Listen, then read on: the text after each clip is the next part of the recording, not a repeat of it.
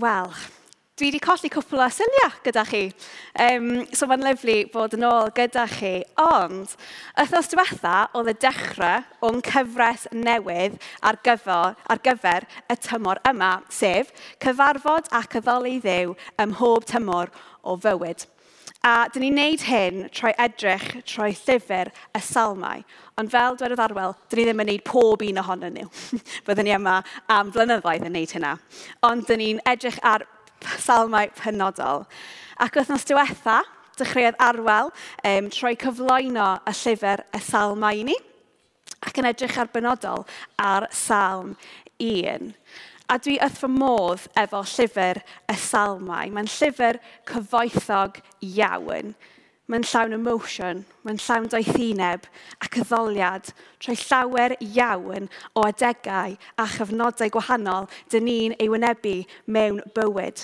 Yr amseroedd da, lle dyn ni i gyd, gyd dyn ni eisiau gwneud ydy addoli a diolch i ddew, ond hefyd yr amseroedd fwy anodd, lle dyn ni ella efo cwestiynau ac yn chwilio, a mae diolch yn addoli yn anodd iawn.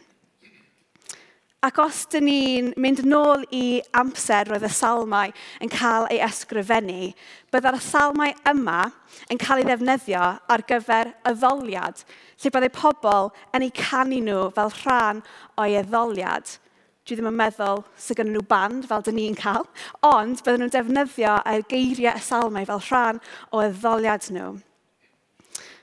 Felly maen nhw'n casgliad o barddoniaeth a cerddi, a mae hyn yn boesig i ni cofio wrth i ni darllen um, troi'r salmau gyda'r iaith a pethau sy'n cael ei ddefnyddio. A weithiau, dyn ni'n tueddol o feddwl taw Dafydd, sydd wedi sgwennu um, gyd o'r salmau, ond di hynny ddim o rheidroedd yn, yn wir. Um, Dyn ni ddim yn gallu bod yn sicr taw Dafydd sydd wedi. Yn fwy tebygol, um, bod y salmau'n casgliad um, o baddoniau sydd wedi cael ei sgwennu gan llawer o bobl gwahanol. A heddiw, dyn ni'n mynd i edrych gyda'n gilydd ar salm sydd yn rhan o casgliad o salmau sydd yn cael ei gyfru fel salmau brenhinol a dwi wedi dewis Sam 93. A pyrpas y Sam yma, ynghyd a gyd o'r salmau brenhinol, ydy dathlu Dyw fel brenin ac i ganolbwyntio a frenhiniaeth a sofroniaeth Dyw. So Sam bach ydy 93, um, ond un sydd yn daguddio llawer iawn i ni. Felly, dewch ni darllen geiriau Sam 93 gyda'n gilydd yr arglwydd sy'n teirnasu. Mae wedi ei wisgo'n hardd. Mae'r arglwydd wedi ei wisgo a'i gryfder fel gregus am ei ganol. Mae'r ddeiar yn saff a does dim modd ei symud. Cest o'r seddi'n frenin amser maith yn ôl. Ti wedi bodoli bob amser. Roedd y tonnau'n codi yn uchel o arglwydd. Roedd sŵn y tonnau fel tarannau sŵn y tonnau trwm yn torri, ond roedd yr arglwydd sydd yn uwch na'r cwbl yn gryfach na sŵn y dyfroedd mawr ac yn gryfach na thonnau mawr y môr. Mae dy orchmynion di yn hollol sicr, sancteiddroedd sy'n addurnod y di o arglwydd a hynny am byth. A bendith Dyw ar ei air i ni y bore yma. So mae'r salm, fel dyn ni wedi gweld ar y sgrin, mae'r salm wedi cael ei rhannu mewn tri rhan. So bore fe, dyn ni'n mynd i edrych ar y tri rhan gyda'n gilydd a edrych ar sut dyn ni'n gallu cydnabod yr arglwydd sydd yn teirnasu a llywodraethu a beth mae hynny yn ei olygu. So, test bach. Pwy sy'n cofio'r geiriau cyntaf y salm, y brawddau cyntaf y salm? Lydia. Lydia. Oh, spot on, Lydia, da, iawn. Yr er arglwydd sy'n teirnasu. Reit ar y dechrau o'r salm yma, mae'r salmydd yn datgan Dyw fel brenin, yr unig un i deirnasu. So ni'n meddwl nôl i'r cyd-destun eto oedd y salmau yn cael ei ysgrifennu ynddo. Roedd llawer o bobl yn addoli a dilyn diwiau eraill elundod eraill. Oedd y llawer o diwiau gwahanol yn yr amser yma ac oedd pobl yn ei addoli nhw ac yn ei ddilyn. A throi'r hyn testament i gyd, dyn ni'n gweld pobl yn troi ato nhw. Yn troi ato nhw am help, neu cymorth, neu beth bynnag, ond yn troi at y diwiau eraill yma. Roedd ei sylw, ei addoliad, ei ymddiried, ei hyfuddod hyd yn oed yn cael ei roi yn y diwiau gwahanol yna. Ond, dim byd oedd y diwiau yna. Delweddau oedden nhw ar y moiaf, yr arglwydd, Yahweh, oedd yr unig dew byw, brenin y brenhinoedd. Yr unig dew i deirnasu fel brenin. Ac os dyn ni'n meddwl am ein cymdeithas ni heddiw, Dydy hyn ddim yn llawer gwahanol. Mae'n yna dal llawer o bethau does sydd yn gallu cymryd ein sylw, sy'n gallu cymryd ein ffocws ac ein addoliad. Y pethau sydd wedyn yn gallu cymryd lle dew fel brenin ar ein bywydau.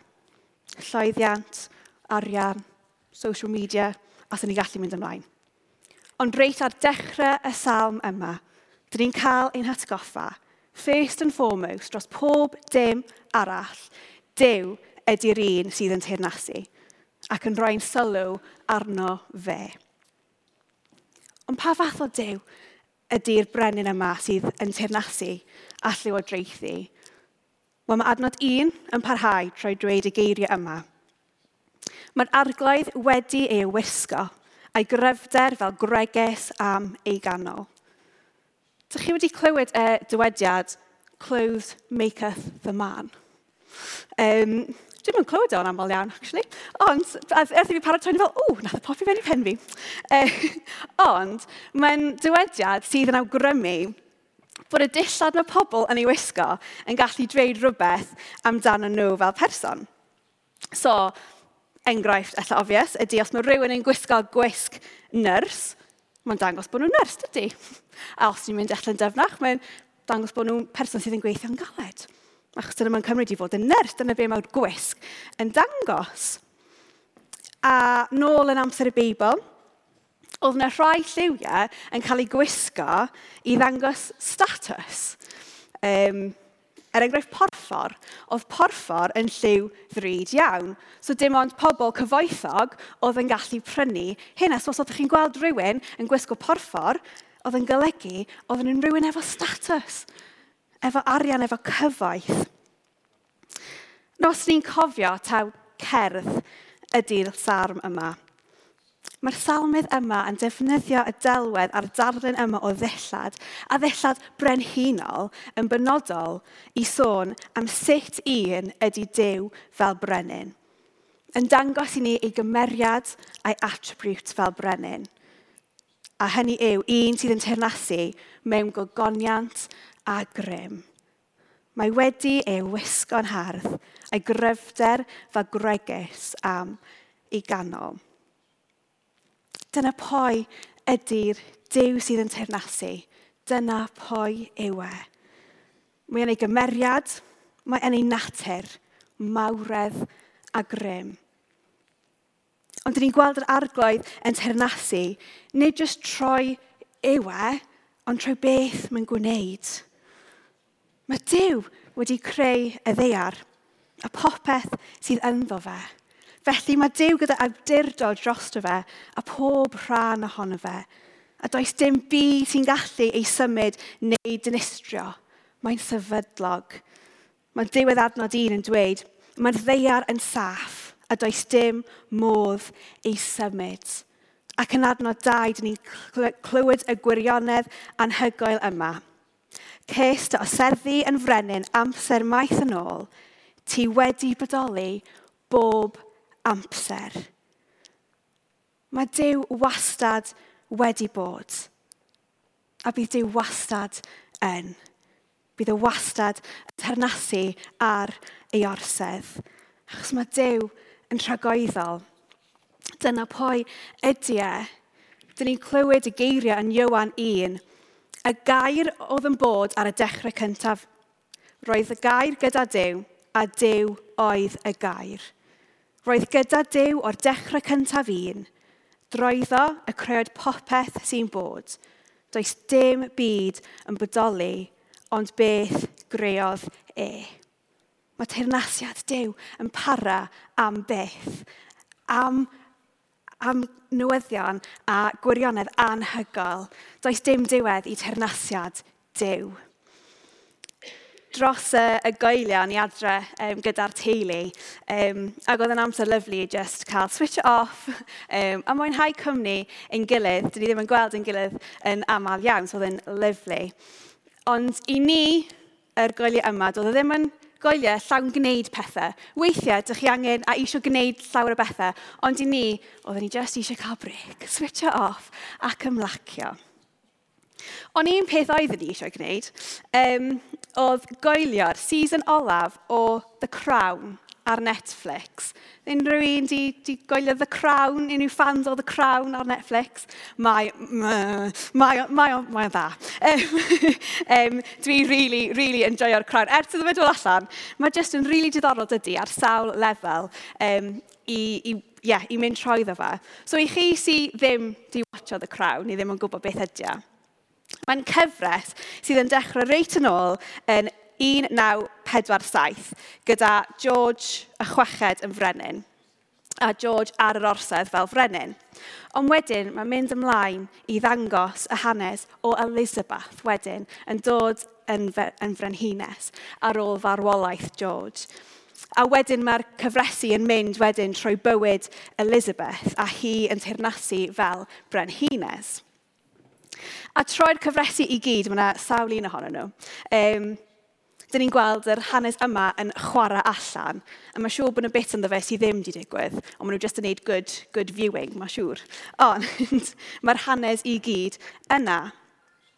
A mae un rhan mawr ohono fe wrth mynd o'r season gyntaf i'r un ola, ydy gweld y llywodraeth yn newid a pobl gwahanol yn dod yn brif gweinidog i arwain y llywodraeth troi ternasiad Elizabeth. Ac oedd yna 15 o rai gwahanol dros bywyd a ternasiad Elizabeth. A dros hanes i gyd, dyn ni'n gweld llawer iawn o brenhinoedd, brenenesau a pobl yn llywodraethu. A pan mae ternasiad un neu tymor un yn dod i ben, mae rhywun arall yn dod yn ei le. Dyna ydy natur brenhiniaeth a llywodraethu ddeirol. Maen nhw gyd yn dod ac yn mynd. Ond, does yna ddim diwedd i ternasiad dew. Mae wedi bod ers y dechrau cyntaf a bydd am byth. Dyna'r math brenin ydy dew. A dyna'r math teirnasiad sydd ganddo ac oherwydd hynny gallwn ni llawenhau bod Dyw ar ei orsedd am beth. A just fel yr arglwydd ydy'r un sydd yn teirnasu, mae'r arglwydd hefyd yn uwch na'r cwbl. Adnodau 3 a 4 yn dweud hyn. A dyn ni wedi canu bore yma, ychydig am hyn efo'r tonau. Mae'n dweud hyn, roedd y tonnau yn codi'n uchel o arglwydd, Roedd sŵn y tonau fel tyrannau, sŵn trwm yn torri, ond roedd yr arglwydd sydd yn uwch na'r cwbl, yn gryfach na sŵn y dyfroedd mawr, ac yn gryfach na thonau mawr y môr. Nawr dwi gyda teulu yn Iwerddon, so dwi wedi bod ar yr Irish Sea uh, digon mewn tywydd drwg i gwybod beth ydy'r effaith tonau mawr. yn erbyn pwer y tonna, mae'r ferri yn cael ei symud o un cyfeiriad i'r llall, i fyny ac i lawr. A dwi ddim yn neis pan ydych chi jyst eisiau cael crosyn ymlaciol um, ar y ffordd i weld teulu. Ond mae'r pwer y, y tonnau yn fwy na'r ferri. Yn erbyn y pŵr y tonau, mae'r fferi methu gwneud dim byd. Mae methu ymladd yn ei erbyn nhw, neu sefyll yn ei erbyn nhw. Mae siw bod ni gyd wedi bod lawr i'r traeth, um, rhyw bryd um, mewn tywydd gwyntog iawn, a wedi gweld tonau mawr yn cael eu creu allan fyna ac yn dod i'r lan. Y tonau mawr yma, maen nhw mor synllid ydan, y sŵn maen nhw'n creu yn anhygoel, ond y pwer sydd ynddo nhw So chi ddim eisiau mynd yn agos iddyn nhw, achos maen nhw mor pwerus. A so ni ddim yn gallu gwneud unrhyw beth i stopio nhw. Ond mae salmydd yma yn rhywbeth anhygoel i ni. Bod yna rhywun sydd yn uwch na'r cwbl, rhywun sydd yn gallu Dyw. Mae Dyw yn uwch na'r cwbl, yn gryfach na'r sŵn y tonnau ac yn gryfach na'r tonnau a hun. A dyn ni'n gweld hyn yn glir iawn trwy Iesu dydan. Pan oedd Iesu ar y ddear, mae yna stori yn yr efengylau o Iesu a'i ddisgyblion ar gwch yn croesi llyn yn trio mynd o un ochr i'r llall. Ond yn ystod y taith yma o croesi'r llyn, dechreuodd y tonnau yn codi yn uchel a gwynt gryf yn gwneud y storm llawer gwaith. Roedd y disgyblion yn pryderu. Oedden nhw'n wir yn poeni am eu bywydau. Oedd y storm yma yn ofnadau. Oedden nhw'n meddwl oedden nhw'n mynd i syddo.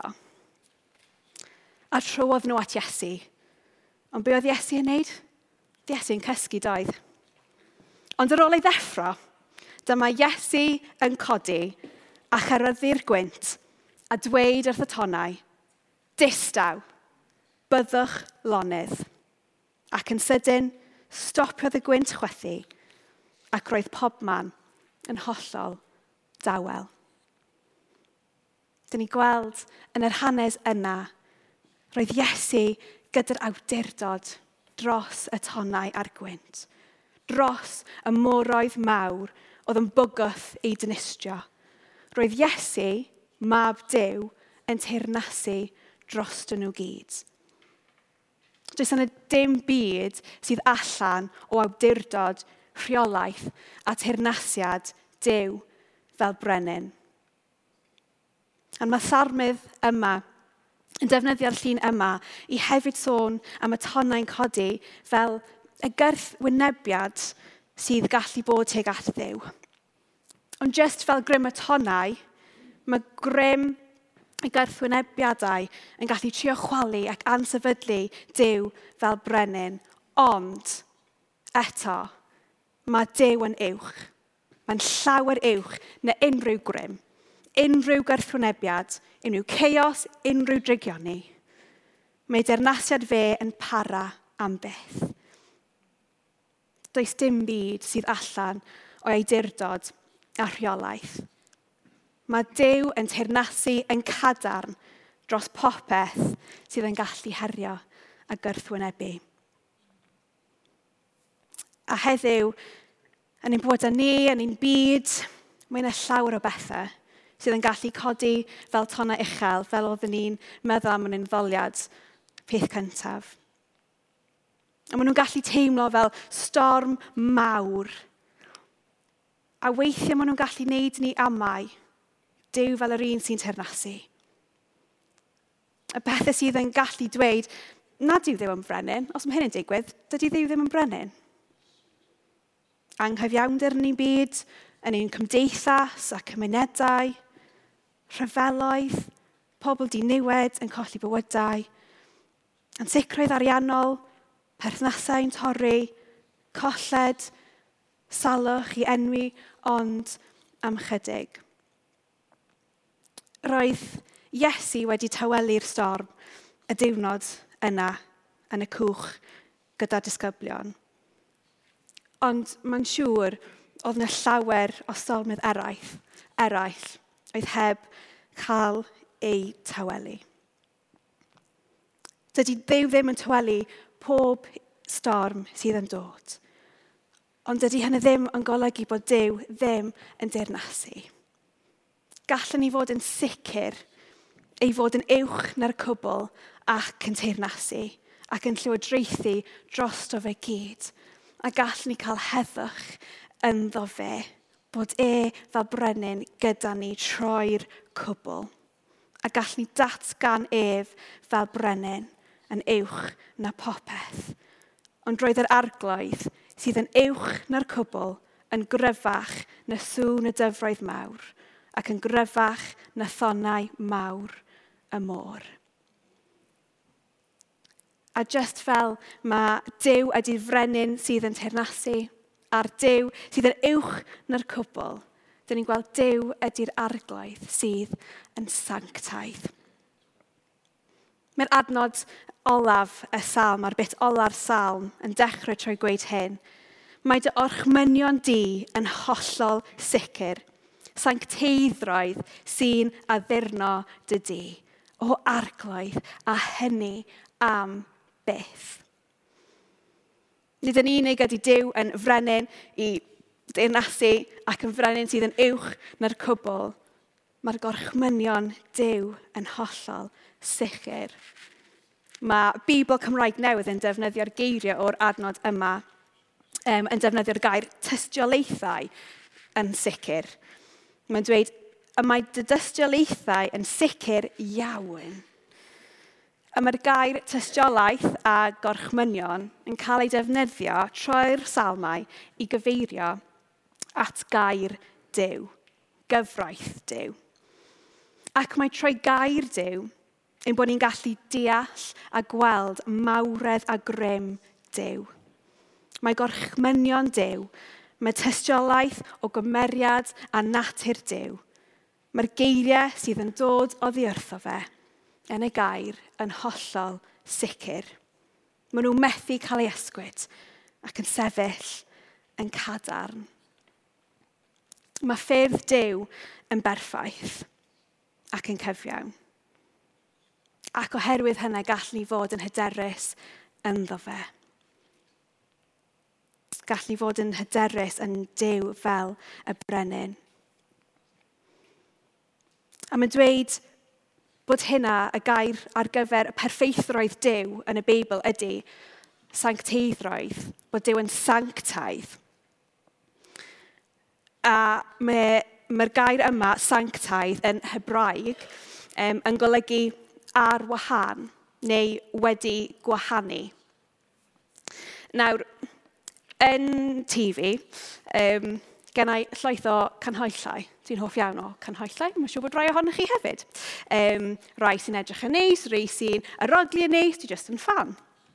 Um, ond, yn y tŷ, mae yna rai canhoellau penodol sydd yna i chi cael gweld, ond dwi ddim yn ei llosgu nhw. Dwi ddim yn llosgu nhw.